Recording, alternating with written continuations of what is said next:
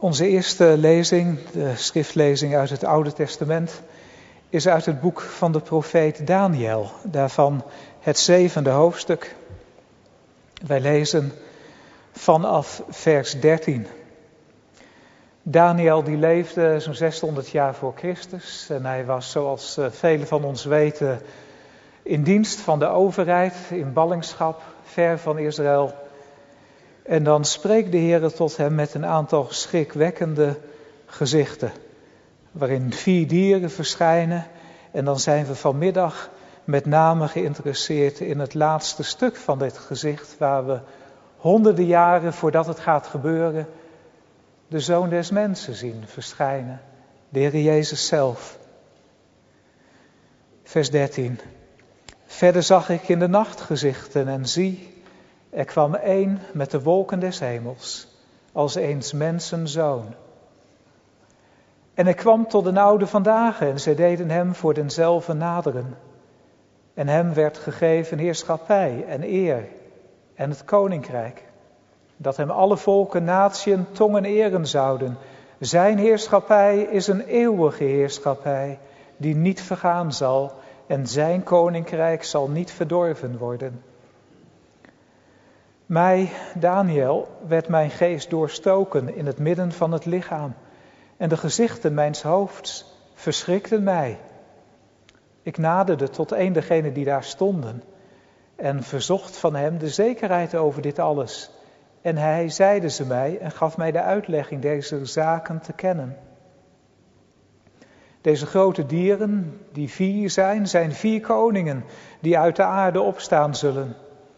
Maar de heiligen der hoge plaatsen zullen dat koninkrijk ontvangen. En zij zullen het rijk bezitten tot in der eeuwigheid. Ja, tot in eeuwigheid der eeuwigheden. Toen wenste ik naar de waarheid van het vierde dier, het welk verscheiden was. Dat betekent dat het anders was van al de anderen. Zeer gruwelijk, welk standen van ijzer waren. En ze klauwen van koper het at, het verbrijzelde en vertrad het overige met zijn voeten. En aangaande de tien hoornen die op zijn hoofd waren, en de andere die opkwamen en voor de welke drie afgevallen waren, namelijk die hoorn die ogen had, en een mond die grote dingen sprak, en welks aanzien groter was dan van zijn metgezellen.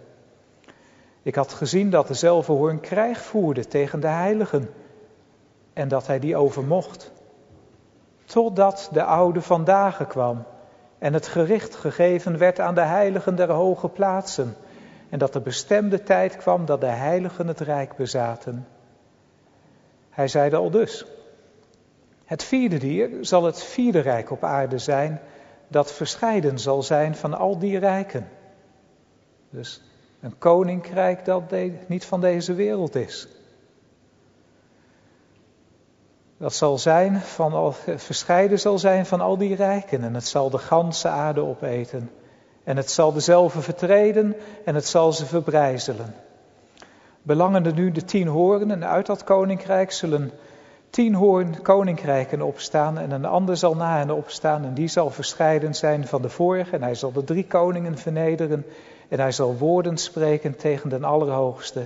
En hij zal de heiligen der hoogste plaatsen verstoten zal de kerk vervolgen. Hij zal menen de tijden en de wet te veranderen. En ze zullen in deszelfs hand overgegeven worden tot een tijd en tijden en een gedeelte destijds.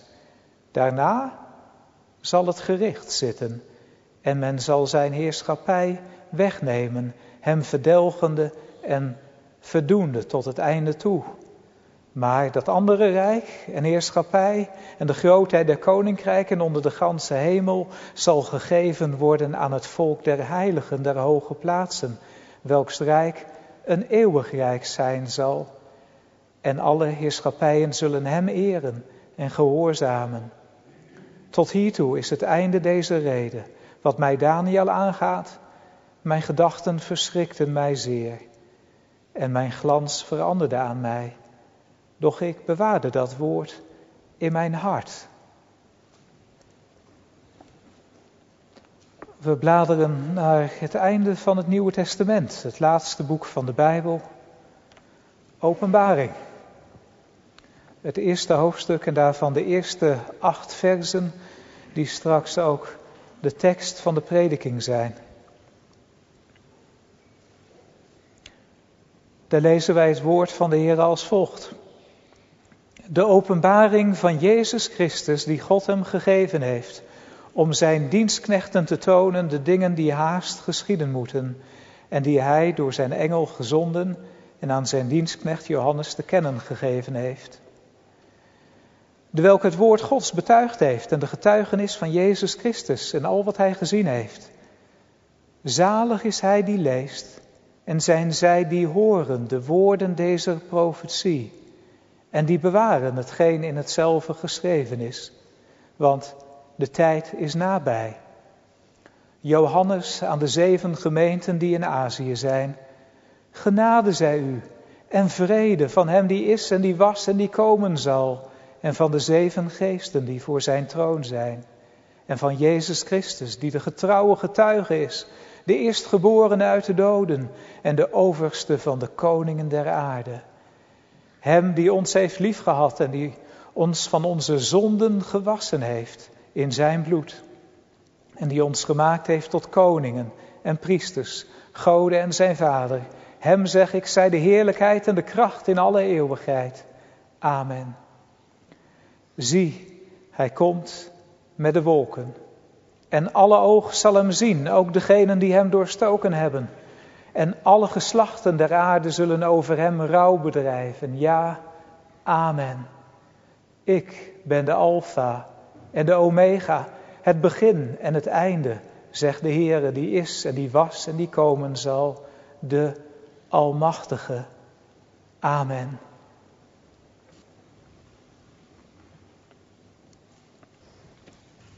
In antwoord op eh, de prediking willen we straks zingen van Psalm 111, daarvan het vijfde vers. Het is trouw al wat hij ooit beval. Het staat op recht en waarheid pal, als op onwrikbare steunpilaren. Hij is het die verlossing zond aan al zijn volk. Hij zal het verbond met hen in eeuwigheid bewaren.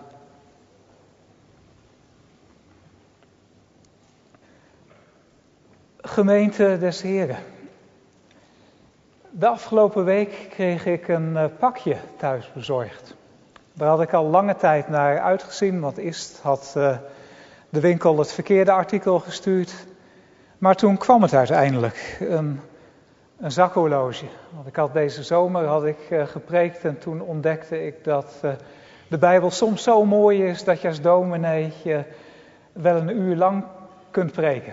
En dat uh, is soms heel goed om te doen, soms moet het ook, maar het is voor veel gemeenten toch fijner als je het niet elke zondag doet. Dus uh, we zullen zien wat het wordt vanavond. Maar het zakhorloge is aangekomen. Het zat in een pakketje en op dat pakket stond wat erin zat, plus het adres, zeg maar dominee Zuidam of meneer Zuidam in dit geval, plus de afzender. Dus ik wist van wie het afkwam, wat erin zat en de post wist voor wie het bestemd was. Het werd bezorgd door post.nl, neem ik aan, maar er was een bezorger. En dat biedt ons een goede inleiding op ons thema van vanmiddag, waarin wij als het ware post uit de hemel krijgen. Post die voor u, die voor mij bestemd is. Er is een inhoud, die wordt ons weergegeven. Er is een afzender, er zijn geadresseerden. En dat treffen we allemaal aan in de eerste paar versen van Openbaring 1.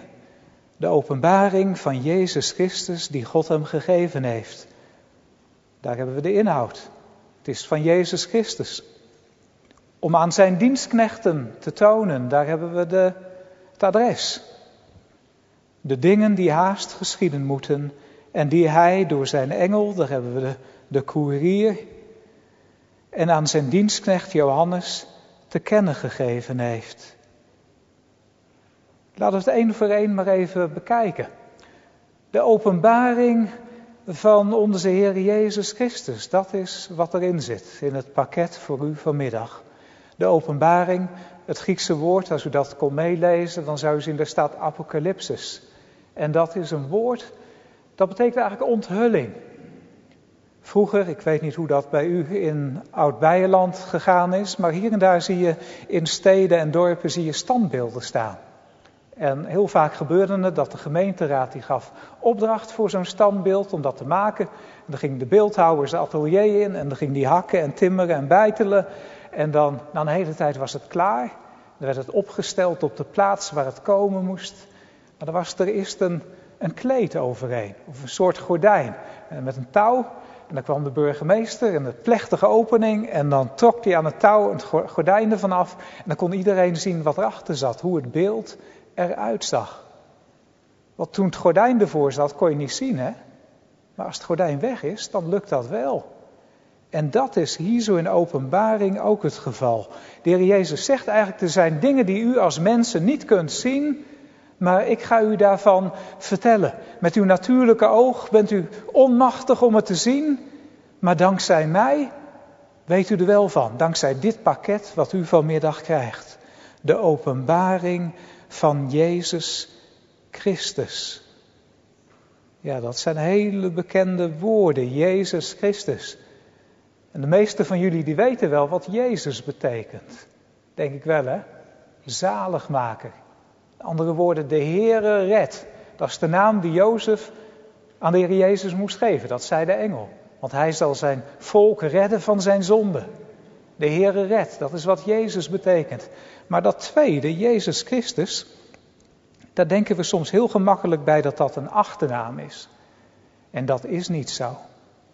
Christus, dat heeft een hele speciale betekenis. Christus, dat komt uit het Oude Testament. Er is een uh, Grieks woord voor, waarvan ons woord Christus komt. En het Oud-testamentische woord, het Hebreeuwse woord, dat is Messias. Kijk, eigenlijk kent u allebei die woorden. U kent al een beetje Grieks, u kent al een beetje Hebreeuws. En dat woord betekent gezalfde. En dan kijk ik even naar de ouderlingen, want die weten gewoonlijk iets meer in de kerk. Er waren drie soorten mensen die gezalfd werden in het Oude Testament. En dat werd de Heer Jezus ook. Hij had een drievoudig ambt. Koning, hoge priester en profeet. De hoge priester die werd gezalfd. Sommige van de profeten ook en alle koningen. Denk maar aan David. Die, daar kwam Samuel bij op bezoek en die zalfde hem tot koning over Israël. Niet zijn grote sterke broers, maar David.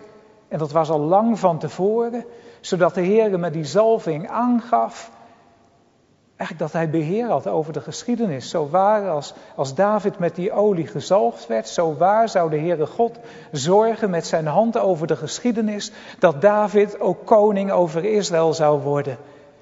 En dat één trapje verder de grote zoon van David, de Heere Jezus, de grote Messias, de grote gezalfde, dat hij zou komen in de volheid des tijds en het koningschap op zich nemen. Beloofd door de Heer. Daniel spreekt erover, Zacharias spreekt erover, Jezaja en andere van de oud-testamentische profeten. Mozes zelf, dat de Heer een profeet in hun midden zal gaan oprichten naar wie ze moeten luisteren. Dat wordt er hier bedoeld. Dit is niet zomaar een achternaam, dit is de Heer die zijn volk gaat redden en de Heer die heeft het beloofd. En ja, dan gaat het niet om onze redding alleen. Dat is een gevaar voor ons. Hè? Soms, als we naar de kerk gaan, dan denken we de hele tijd dat het over onze ziel, over onze redding moet gaan. Dat we er uiteindelijk moeten komen en dan geloofszekerheid hebben. En dan, dan weten dat de Heer ook in ons hart gewerkt heeft en dat we naar de hemel kunnen. En gerust kunnen sterven. Dat is heel belangrijk. Maar in de Bijbel komt dat op de tweede plaats. Het gaat niet om u, het gaat niet om mij, maar in de schrift gaat het om de Heer en om zijn koninkrijk. Hij is in de eerste plaats de gezalfde koning. Hij wil Heer wezen over ons leven. En dat brengt ons meteen bij de geadresseerde van dit pakket. Om aan zijn dienstknechten te tonen de dingen die haast geschieden moeten. Aan zijn dienstknechten. Het woord dat hier gebruikt wordt is het woord slaven. Hebt aan de ene kant heb je knechten, zoals boerenknechten vroeger, die als er genoeg werk was, dan konden ze naar een andere baas als ze zouden willen. Een knecht die heeft uh, heerschappij over zijn eigen leven. Hij kan ontslag nemen, hij kan ergens anders gaan werken. Hij kan doen wat hij wil in dat opzicht. Maar een slaaf mag niet. Een slaaf die heeft niet de beschikking over zijn eigen leven. Die is het eigendom van zijn Heer. En het is juist dat woord dat de Bijbel hier gebruikt voor de geadresseerde van openbaring. Dat is voor mensen die niet meer van zichzelf zijn, maar die het eigendom van de Heer Jezus Christus zijn geworden. Het is vanmiddag geen catechismusprediking, maar velen van u zullen het eerste vraag en antwoord onthouden. Geen eigendom van mezelf, hè? maar van Jezus Christus. Dat is onze troost in leven en in sterven. Dus het is in onze slavernij, in onze opgeven van onze eigen rechten en die overdragen aan de Heer Jezus, dat we waarlijk vrij worden, dat we troost hebben in leven en sterven. Dat kan niet los van Gods koninkrijk, dat kan niet los van zijn heerschappij. En dan staan we niet alleen. Als je het Oude Testament doorbladert, dan worden alle belangrijke mensen in het Oude Testament, die worden wel een keertje dienstknecht van de Here genoemd. Adam, Mozes, Jozua, Caleb, u, u ziet het, het zijn niet alleen maar dominees, het zijn ook generaals die in dienst komen van de hemelse generaal. Alle terreinen van het leven wil de Heer Jezus koning zijn. Hij heeft ons gemaakt. Door het woord zijn alle dingen gemaakt, schreef Johannes in zijn evangelie. En nou heeft hij deze gezichten, maar weet het nog goed. Het is door het woord dat de Heer de hemelen gemaakt heeft. En zonder dat woord is niets gemaakt dat gemaakt is. Dus met andere woorden, alles door het spreken van God, het woord van God, de Heer Jezus, ten aanzijn geroepen door zijn geest. Zo kwam het met de eerste schepping. Zo vertelde Johannes dat het ook zou gaan met de tweede schepping. Met het reddingsplan van de Here. Toen de zonde kwam, toen de vloek over de schepping kwam, was er niets minder vereist dan een nieuwe schepping. Een wedergeboorte. Zoals Johannes dat noemt, eh, als hij de woorden van de Heer Jezus aanhaalt dat aan Nicodemus dat de mens wederom, of letterlijk in het Grieks van bovenaf, geboren wordt. Er is een nieuwe schepping voor nodig. De eerste schepping was door God spreken uit het niets. Het staat zo onder druk in deze tijd. U, u weet ervan als u het RD leest, ook in voormalige reformatorische kring. Maar dat is wel het getuigenis van de schrift. U hebt het vanmorgen nog gehoord in de wet. De Heer sprak en het was er. En daarin ligt onze hoop ook voor het nieuwe leven. Want in het Nieuwe Testament gaat het woord vlees worden. En dan gaat de Heer weer spreken. Gaat hij weer roepen door zijn geest. Gaat hij levend maken. En dan spreekt de Heer Jezus avonds in die synagoge in Capernaum. Het is de geest die levend maakt. En het vlees is van geen nut. Het is als een refrein door zijn preek. En hij vertelt ook dat hij het, het brood is dat uit de hemel is neergedaald. En dan willen de mensen niks meer van hem wezen. En dan vraagt hij aan de discipelen, willen jullie ook niet gaan? Maar dan zegt Petrus namens zijn heren, tot wie zullen wij gaan? Want gij hebt woorden van eeuwig leven. Ja, de eeuw die is in ons hart gelegd. En het is niet verkeerd dat we in de hemel willen komen. Dat, dat, dat we in harmonie met de Here willen zijn. Dat we willen weten dat het goed is, dat er nieuw leven bij ons is. Want het kan ook alleen maar op die manier. En dat gaat door woord en geest. En daarvoor gebruiken we de middelen. Daarom is het ook zo fijn dat je hier zo vanmiddag bent in de kerk. Want dat is hoe de Heere God werkt. Als je naar de Bijbel luistert, luistert lees je Bijbel, bid elke dag dat je groeien mag. ik heb het op de kleuterschool al geleerd. En het is een van de meest ware dingen die de meester en de juffrouw mij ooit geleerd hebben. Want de Heere werkt door het woord van de geest. Zo wordt de Bijbel ook wel genoemd. Als een tweesnijdend zwaard. Heel, heel scherp. Het is heel effectief. Dat is zoals de Heere werkt. Dat is hoe die nieuw leven in ons werkt. Dat is die, hoe die ook samen met de sacramenten ons eigendom maakt van de Heer Jezus. Daarom was toen je gedoopt werd niet, niet zomaar water, Dat was een hele echt teken. Dat was een belofte van de Heere God. Dat was water dat Hij als teken gebruikte om Zijn belofte aan jouw leven te bevestigen. En jouw doop was eigenlijk een beetje hetzelfde als wat we hier zien met openbaring. Want ik denk niet dat je nog kunt onthouden dat je gedoopt bent. Hè? Al een beetje lang geleden. En het is in tussentijd alweer zoveel gebeurd. En je, toen je klein was, toen kon je ook niet alles heel goed begrijpen. En als je het niet begrijpt, kan je het ook niet onthouden. Want dat is nodig voor geheugen. Maar je vader en je moeder hebben je verteld dat je gedoopt bent. En uh, misschien was uh, dominee Joppe of wie dan ook er ook uh, bij geweest. Dus er zijn nou mensen die kunnen vertellen, het is echt waar, je bent gedoopt. Dat is ook een soort van, van openbaring. Je kunt zelf niet, niet erbij, je kan het zelf niet onthouden, maar het is wel waar.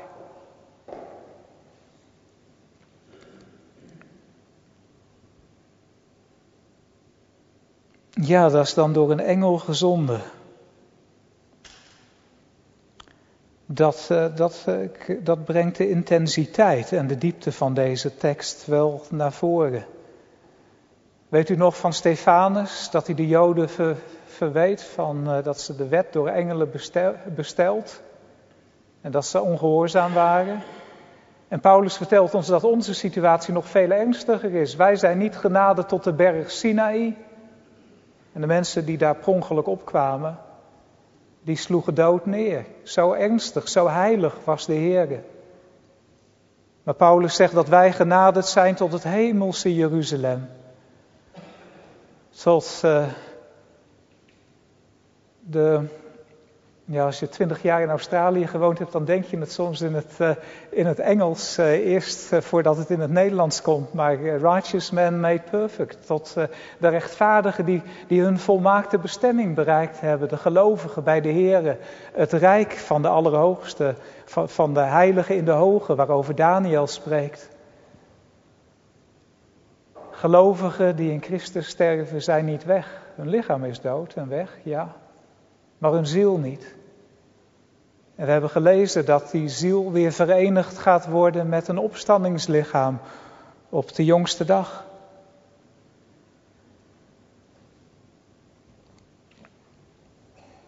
De engel die, die is in de middellijke weg.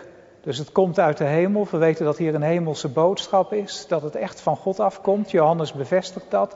Maar tegelijkertijd, en dat is belangrijk juist om onze tijd in gedachten te houden, het komt ook via de apostolische volmacht, via de apostolische kerk.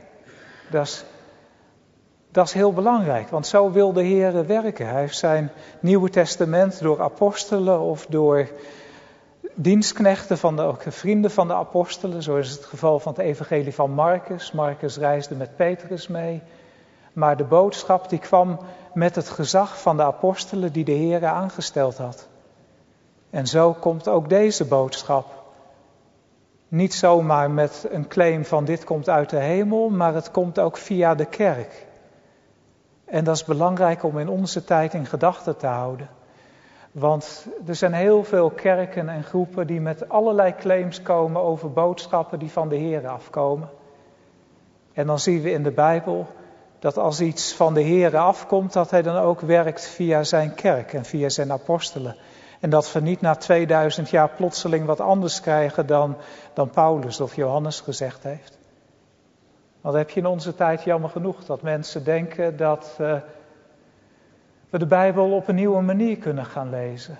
Buiten de kerk van alle tijden en plaatsen om. Dus uh, we zijn 2000 jaar lang tegen de vrouw in het ambt geweest, maar nu willen we gelijkheid en democratie in de samenleving in alle opzichten. En we vinden discriminatie als we niet alles mogen wat mannen ook mogen enzovoort. U kent het wel. Dus we gaan de Bijbel anders lezen. En dat is niet alleen op dat punt. We zullen zo op het punt van theocratie komen en kijken naar een aantal verschuivingen die we in de samenleving en ook in christelijke kring de afgelopen 20, 30 jaar gezien hebben in Nederland. Nee, de Bijbel die lezen we samen met de kerk van alle tijden en alle plaatsen. Niet op onze eigen houtje, volgens onze eigen inzicht. Volgens de druk van cultuur en omstandigheden. Het is waarheid, het is het woord van de Heer, maar dat we zeker weten dat het waarheid komt, is niet alleen omdat het via een engel komt en een claim daarvan bij iemand, maar het komt tot ons met het gezag van de apostolische kerk van alle tijden en plaatsen. Geen kerk op eigen houtje. Het komt tot ons via de dienstknecht, zie daar is dat woord weer van slaaf Johannes. En hij schaamt zich er niet voor. En ik hoop dat jij je er op school of u op uw werk ook niet voor schaamt om een slaaf te zijn van de Heer Jezus Christus. Dat is geen kruiperige dienst, hij heeft ons koningen gemaakt. We lezen daar straks over. Zijn deel van zijn koninkrijk. En zijn dienst is, is vrijheid. Maar het is wel een Heer die zegt: Gij zijt mijn vrienden indien gij doet wat ik u gebied. Dat klinkt heel wettisch, maar dat is het niet. Ik kwam van, uh, vanmiddag uh, vast te zitten in Rotterdam met de auto. En daarbij moest ik een iets andere route rijden dan ik gepland had. En daarbij was een deel waar het vol zat met auto's. En sommige daarvan wilden ook nog eens gaan parkeren. En ik denk, nou ja, die gemeente zit op mij te wachten. En dan raak je wat, wat geïrriteerd enzovoorts. En dan heb je in je hart de neiging om de regels aan de kant te zetten. nou, voor mij is er dan even een uitzondering en ik kan harder gaan rijden, maar dan kan een kind omver rijden of iemand anders. Die regels van de Heer zijn er met een doel. Die zijn er omdat we dan in harmonie met de Heer en met elkaar kunnen leven. En dat doen we niet als ik van u ga stelen. Of als ik uw kind omverrijd doordat ik met 80 in de 30 zone ga rijden. Gij zijt mijn vrienden, indien gij doet wat ik u gebied. En ja, dan gaat het soms mis in ons leven, maar daar heeft de Heer ook dingen over te zeggen. Maar eerst zegt hij, de welke het woord Gods betuigd heeft en de getuigenis van Jezus Christus en al wat hij gezien heeft. Daar zegt Johannes in zoveel woorden, ik ben erbij geweest vanaf het begin. Toen de Heer Jezus op aarde gekomen was en zijn openbare preken en zo begon, dat heb ik gezien. Ze wonderen ook. Het is echt waar. Dat kan je van mij aannemen als, als apostel. Ik, ik zet daar mijn leven voor op het spel. Dat heeft hij ook gedaan. Andere apostelen ook, die moesten hun leven bekopen ermee. Johannes is waarschijnlijk de enige die een natuurlijke dood gestorven is. En ja, wat heet natuurlijk als je door ziekte uiteindelijk het moet, uh, moet afleggen. Dat is ook een, een vloek op de wereld die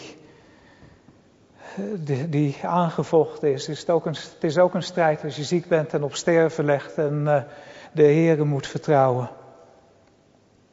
Maar goed, hij wist in wie hij zijn betrouwen gesteld had. Al wisselden ook dag en nacht. En daar getuigt Johannes van hier.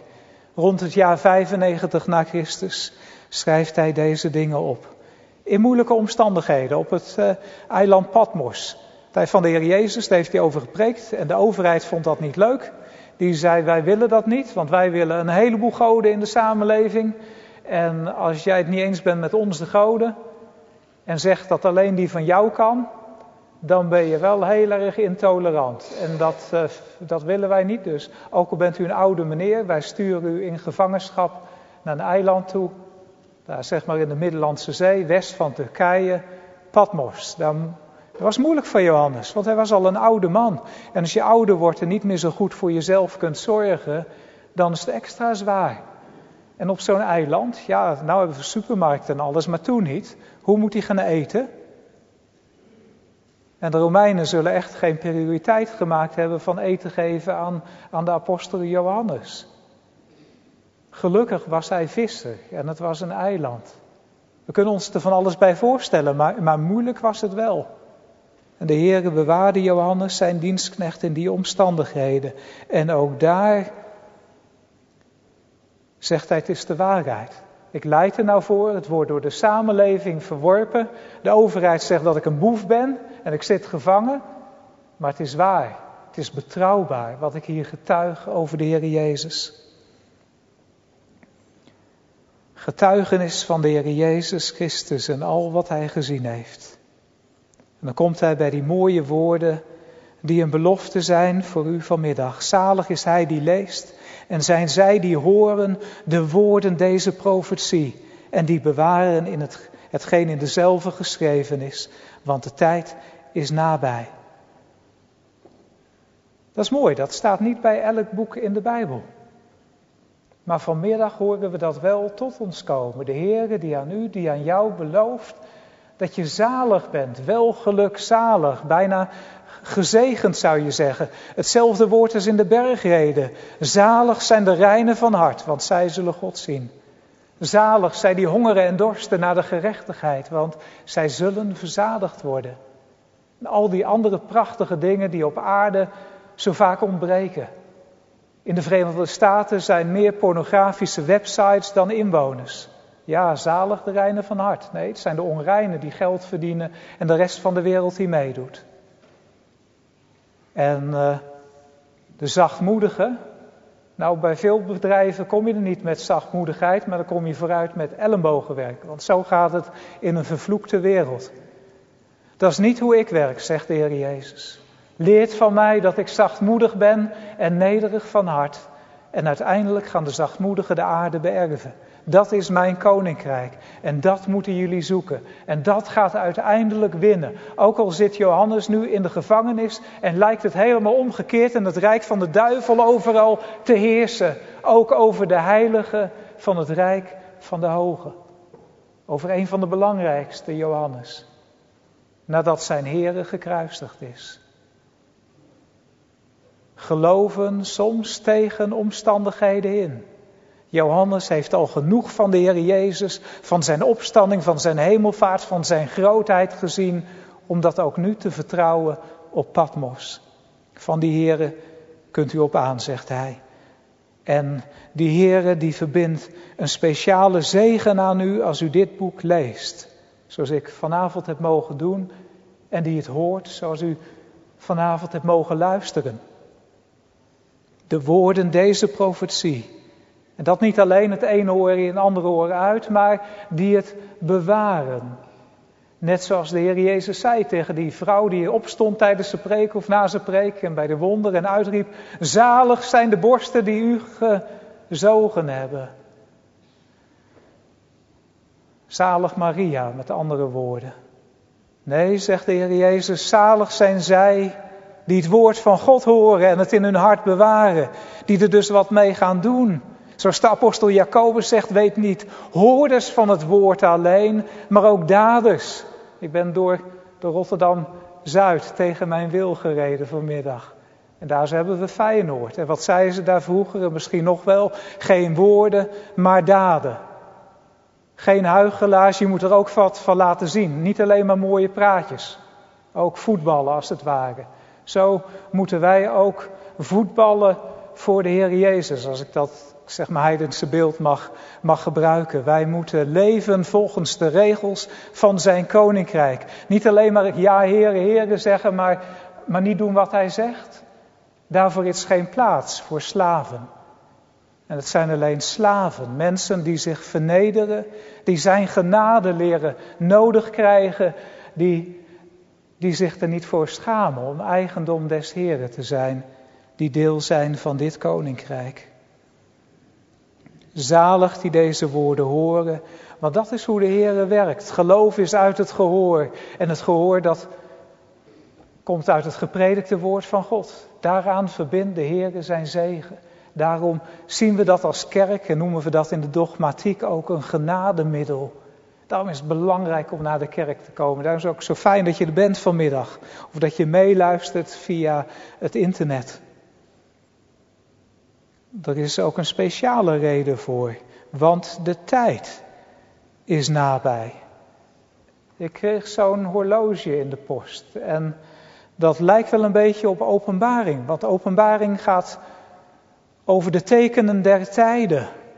De Heer Jezus die terug gaat komen en zekere dingen die gaan gebeuren voordat het zover is met zijn komst. Met andere woorden, het is een relevant boek. U kunt er iets mee. Er staan dingen in waar, waar je wat aan hebt in je leven. Deze zeven gemeenten waaraan Johannes straks gaat schrijven. Daar staan een aantal dingen die in die tijd speelden en die eigenlijk nog voor de kerk van alle tijden van toepassing zijn, maar, maar toen heel speciaal voor die mensen. Dus het is relevant voor hun. De tijd is nabij. Er zijn ook andere dingen die later gebeuren, maar zelfs al gebeuren ze later. Wat is ons leven? Hoe lang zijn we hier nou eigenlijk op aarde? Over honderd jaar, dan is waarschijnlijk niemand die deze dienst bijwoont meer in leven. Het is een beperkte tijd die we hebben hier op aarde.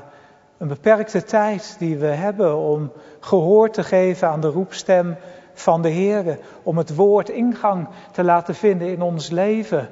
In het verzamelen van vruchten voor de eeuwigheid. Want daar gaat het uiteindelijk om. Onthoudt u die gelijkenis van de Heer Jezus, van de talenten?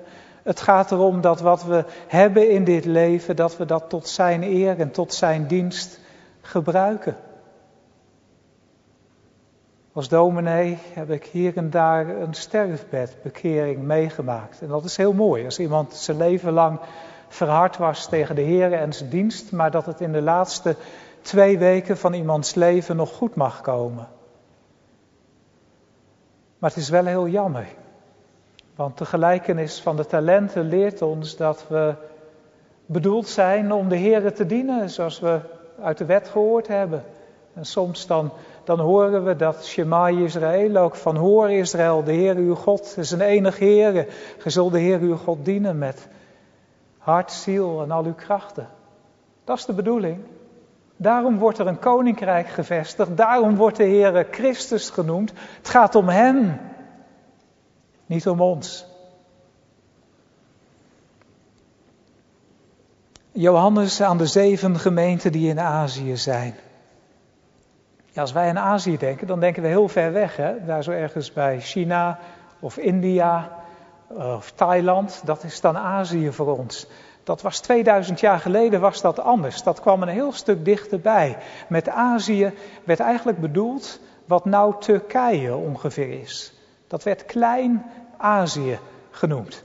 En dat was geen Turkije, maar dat was Griekenland. De mensen die spraken daar ook Grieks. Het was uh, ja, echt deel van Griekenland. Eeuwen daarvoor hadden Griekse kolonisten zich daar al gevestigd. En daar stonden Griekse tempels en de mensen die spraken Grieks.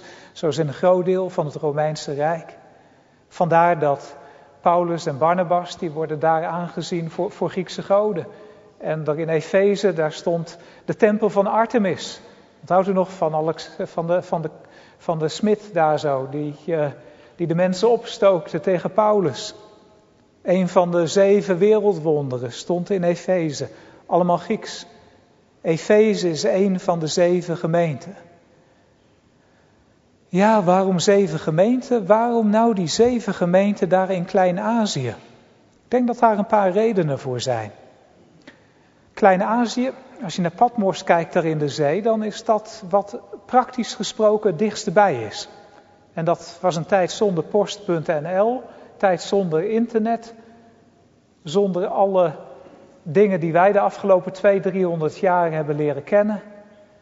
Dus als je een boodschap verder wilde brengen, dan moest iemand die gaan eh, doorgeven. Dan moest er een koerier van Patmos naar het vasteland.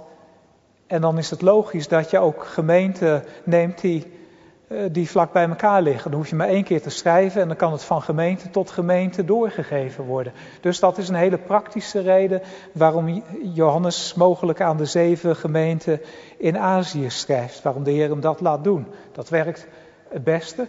Tegelijkertijd zien we als we later in de openbaring zouden lezen, ook waarom juist die gemeenten een speciale boodschap van de Heer nodig hebben. En dan tegelijkertijd over het hoofd van die gemeente heen de kerk van alle tijden. Het getal zeven, het getal van de volheid, de zeven geesten die voor zijn troon zijn. De volheid van de geest voor elk van de zeven gemeenten. Het echte volle woord van God voor hun omstandigheden. Dat is wat hier komt. En dat woord zeven, dat, als ik een van de commentatoren mag geloven, die zei dat het 54 keer voorkomt in openbaring. Zeven kandelaren, zeven violen, zeven schalen, zeg maar. Dat oud-Hollands woord violen. Heleboel keren zeven. De volheid van God.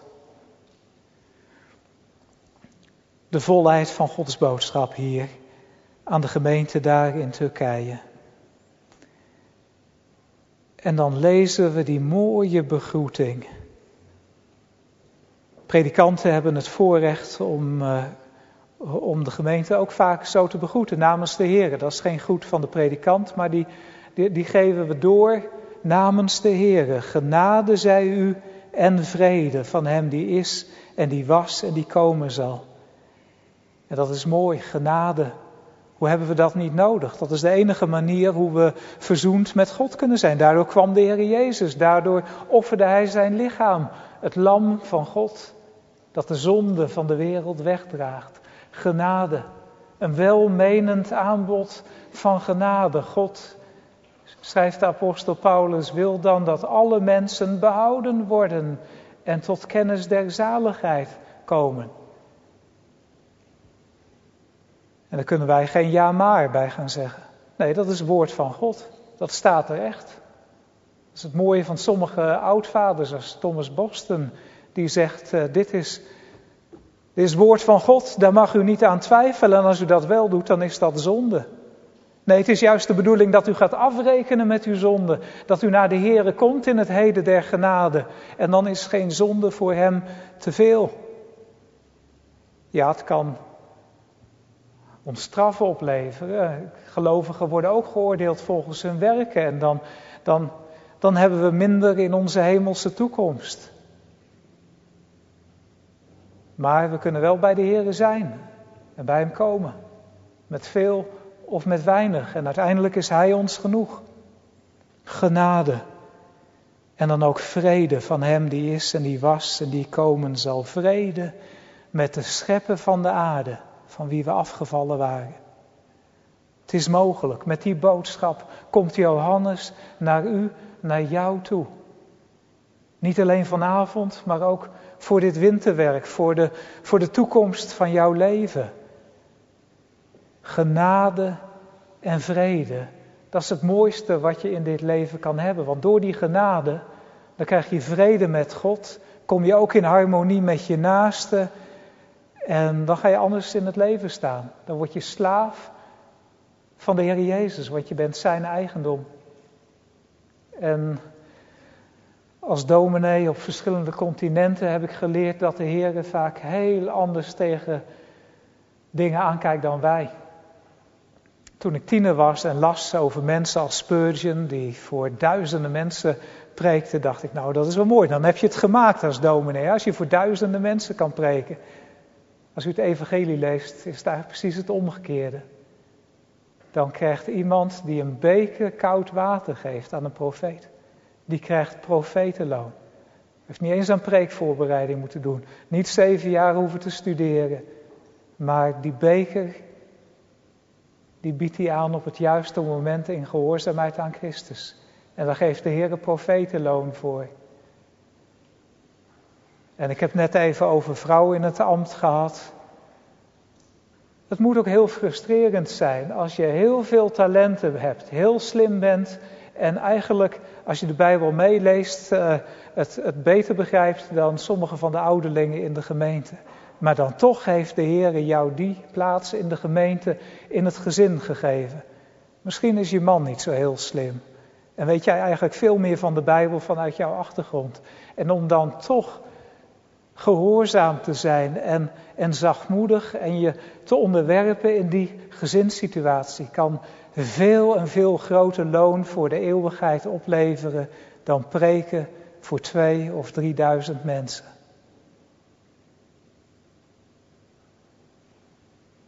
De Heer kijkt anders tegen dingen aan dan wij. Geen menselijke maatstaven, maar eeuwige maatstaven. Het is ook een Heer die het kan doen en die het kan geven, want we lezen van Hem dat Hij is, dat Hij was en dat Hij komen zal. Eigenlijk hetzelfde als openbaring. De Heer heeft ons openbaring gegeven over de schepping. Wij waren er niet bij. Adam was er niet bij, Mozes was er niet bij. Maar de Heer heeft het moeten vertellen, want de mens was nog niet geschapen. Over dingen die wij niet konden weten. Over de profeet uh, Elisa lezen we dat hij op het moment dat is, wist wat er gebeurde en wat er gesproken werd in de binnenkamer van de koning van Syrië. Dat kon omdat de Heer het hem duidelijk maakte, omdat hij het hem openbaarde. De Heer kan ons vanavond dingen over de toekomst laten zien, omdat Hij macht heeft over de toekomst, omdat Hij het aards gebeuren vast in handen heeft. In Daniel hebben we gelezen over ontstellende gebeurtenissen met dat vreselijke dier dat allerlei dingen gaat doen. Ik geloof dat het vierde dier was voordat het koninkrijk van de heiligen gaat doorbreken. Er zitten ook nog hoornen, aparte koningen, aparte machten, daar is het een beeld voor. Maar goed, daar gaat vanavond de preek niet over. Hele vreselijke dingen die er gebeurd zijn in de wereldgeschiedenis. Die er nog gaan gebeuren. Want Daniel ziet in dat gezicht, hé, hey, het zijn de, de, de, de goeie, de, de heiligen, die, die worden verslonden door dit vreselijke dier. Wat gaat de Heer nou toelaten? Loopt het hem uit de hand? En zo kan het ook voelen in jouw leven als je misschien gepest wordt op school waarom doet de Heere God daar niets aan? En waarom laat hij het nou door, nog doorgaan? Ik heb er al drie weken voor gebeden en dit nieuwe jaar is helemaal niet lekker. Heere, waarom?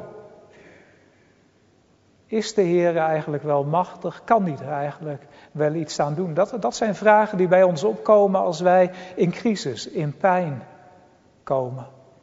En dat is een natuurlijke reactie. Daniel had dat ook. En daarom is het zo mooi dat Johannes ons deze verzekering geeft. Dat dit, deze woorden afkomen van Hem die is, die was en die komen zal. De Alpha en de Omega. De Heere die is het begin en het einde. Hij staat aan het begin van deze wereld, het begin van de eerste schepping. Eigenlijk staat hij ook aan het begin van de nieuwe schepping door de wedergeboorte.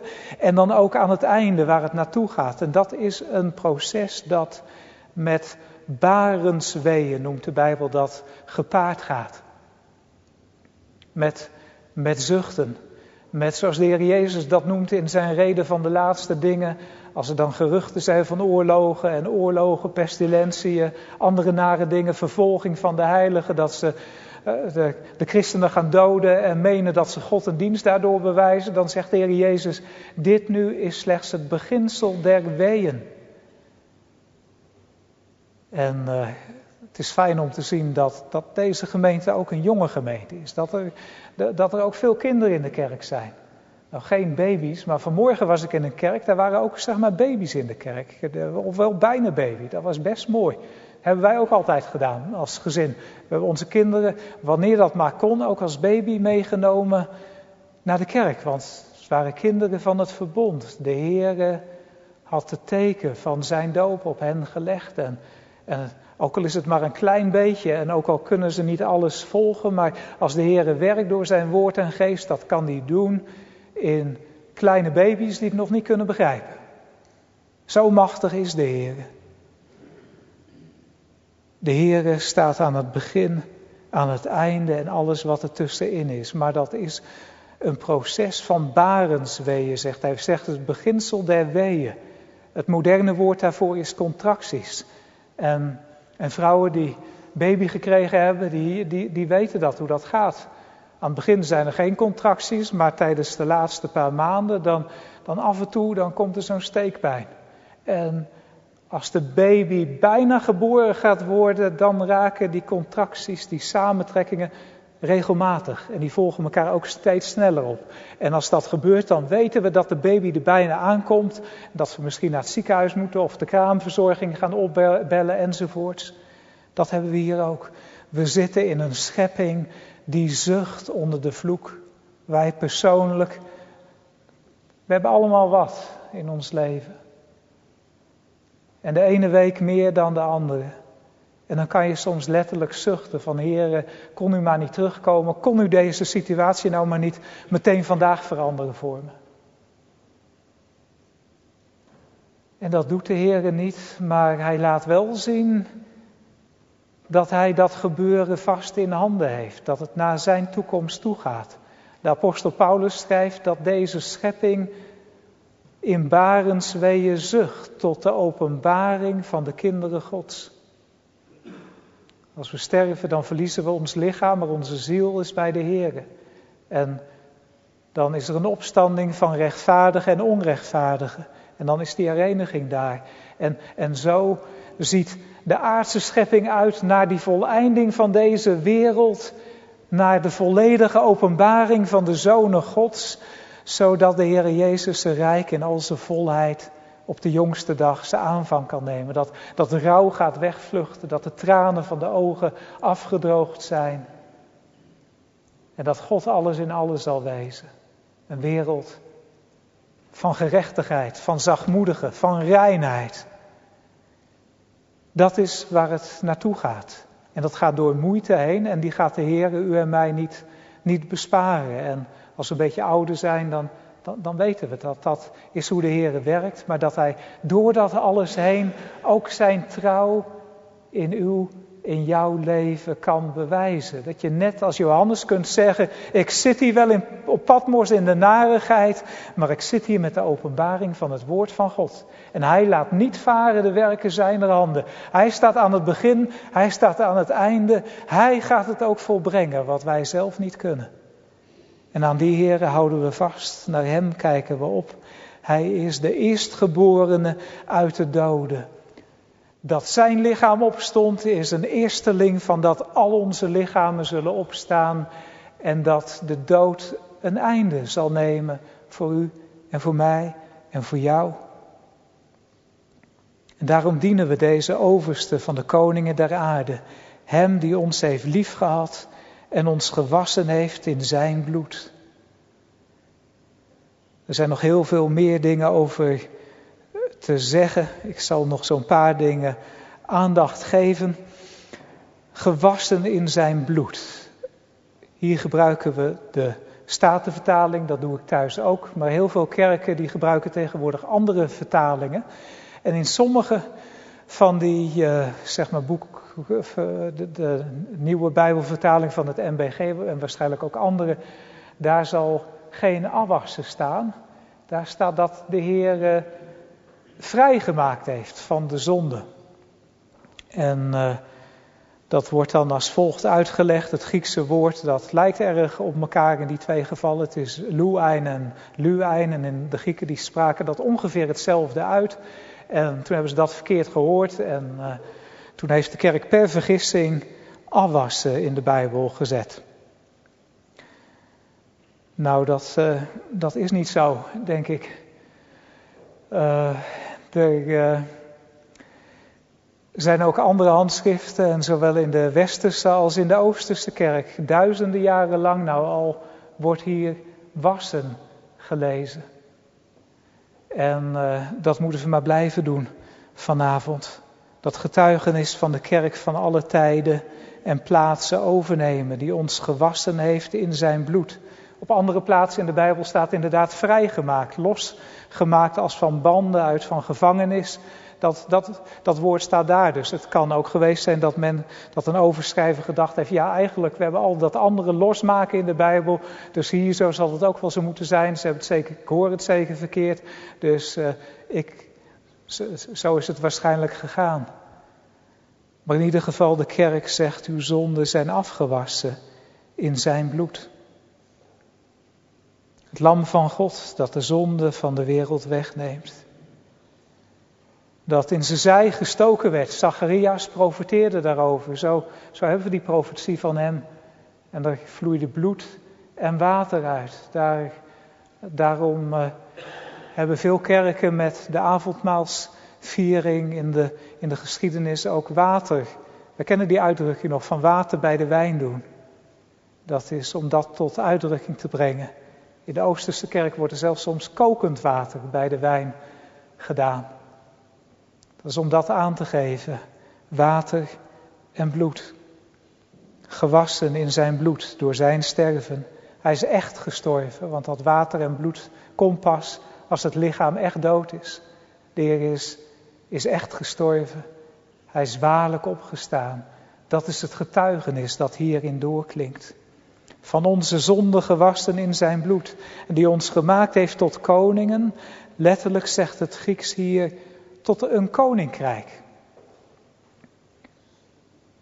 Laat weer die prioriteit zien. Eigenlijk gaat het erom dat, dat, u, dat jij de Heer Jezus dient. Dat wij deel van zijn koninkrijk onder hem gekomen zijn. Dat we moeten doen wat hij zegt. Dat er theocratie is met een moeilijk woord. Dat, dat de macht in handen van God is en dat iedereen naar hem moet luisteren. Dat beleiden we vroeger. Ik heb uh, nog een tijdje in de gemeenteraad gezeten, op, uh, bij gemeente in de Veluwe. En daar hadden we vroeger een ambtsgebed, waarin we onze afhankelijkheid aan de koning der koningen beleden. Helaas is ook in onze gemeente op de Veluwe dat ambtsgebed verdwenen. Want die afhankelijkheid gevoelen we in onze tijd minder. Het gaat om ons en zelfs om godsdienst als product van de mens. We maken ons goden naar ons eigen beeld en onze eigen gelijkenis. En dan vertellen wij de Heer hoe Hij moet zijn. Ja, die hoogmoed hebben we dan. En dat gaat ook onze kring niet voorbij.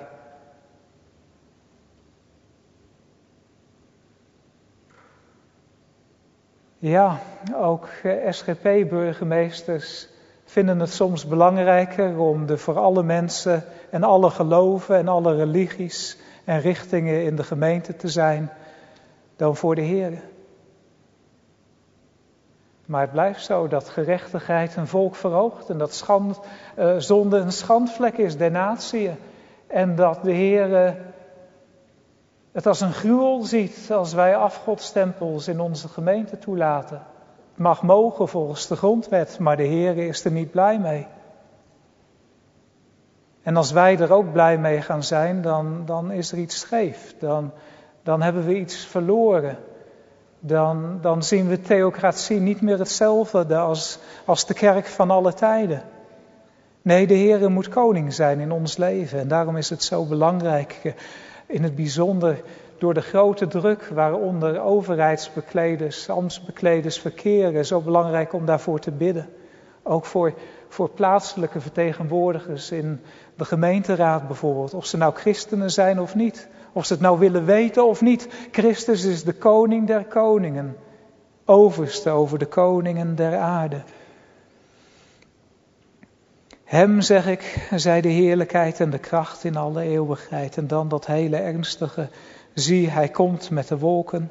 Alle oog zal hem zien, ook degenen die hem doorstoken hebben. En alle geslachten der aarde zullen over hem rouw bedrijven. Ja, amen. Dat is een ernstig woord.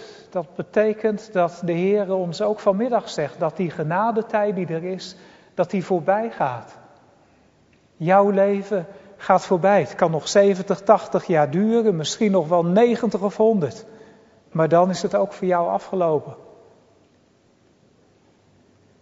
En dan hebben wij vrede gemaakt met deze Here. Zijn we gehoorzaam geweest aan zijn roepstem? Zijn we hem gaan vertrouwen, gaan beleiden, hem eren met woord, met daad, met de dingen die we doen en niet nalaten? Want als we dat niet tijdens dit leven gaan doen, dan komt er een dag waarop het te laat zal zijn.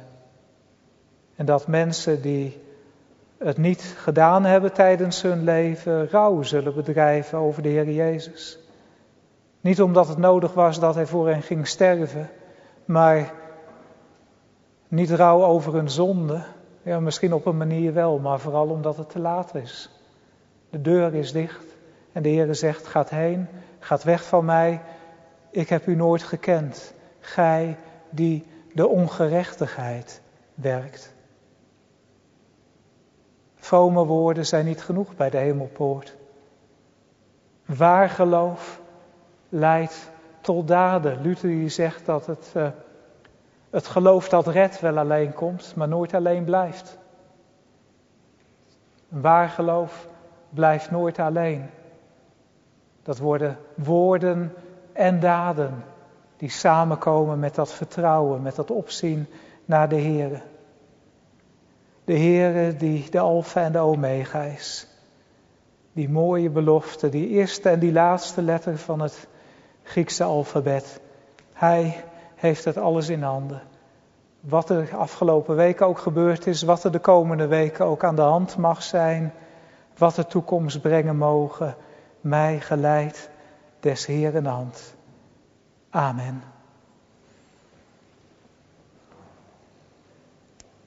Wij zingen van Psalm 111, vers 5.